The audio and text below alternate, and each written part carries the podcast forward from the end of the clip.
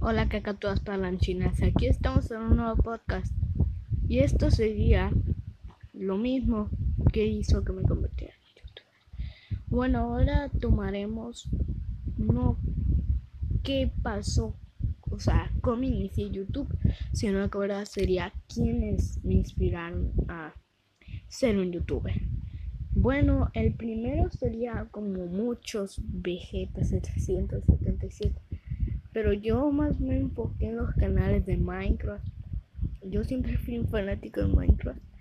Mm, Fortnite ya salió en 2017, pero me llama tanto la atención. Bueno, juego con, con amigos y tíos y bla bla bla. Y también, ¿quién fue? Mm, Stacks, Stackscraft eh, él también me inspiró mucho. ¿Y quién más? Mm, bueno, yo mismo, ya que le dije a mi prima, bueno, tía, perdón, le dije, vamos, vamos a ver cómo sería ser youtubers, dijimos. Y pues fuimos youtubers. Bueno, en este momento en mi canal de YouTube tengo cuatro suscriptores. Son pocos, lo sé, y son familiares para terminarla de pedorrear.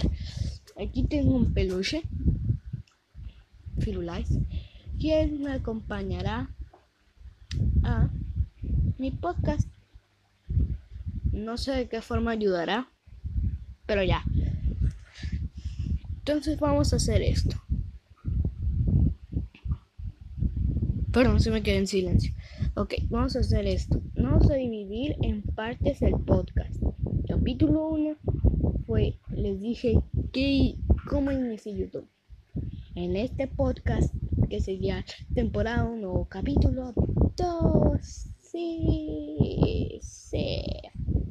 Ah, y también cada temporada tendrá aproximadamente de 6 a 7 capítulos. Así que ya saben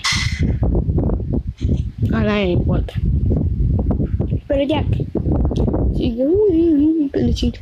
Bueno, es corto también. Pero mira, esto ya sería más o menos de prueba. Así que les dejaré unas canciones al final. Y nos vemos en el siguiente podcast.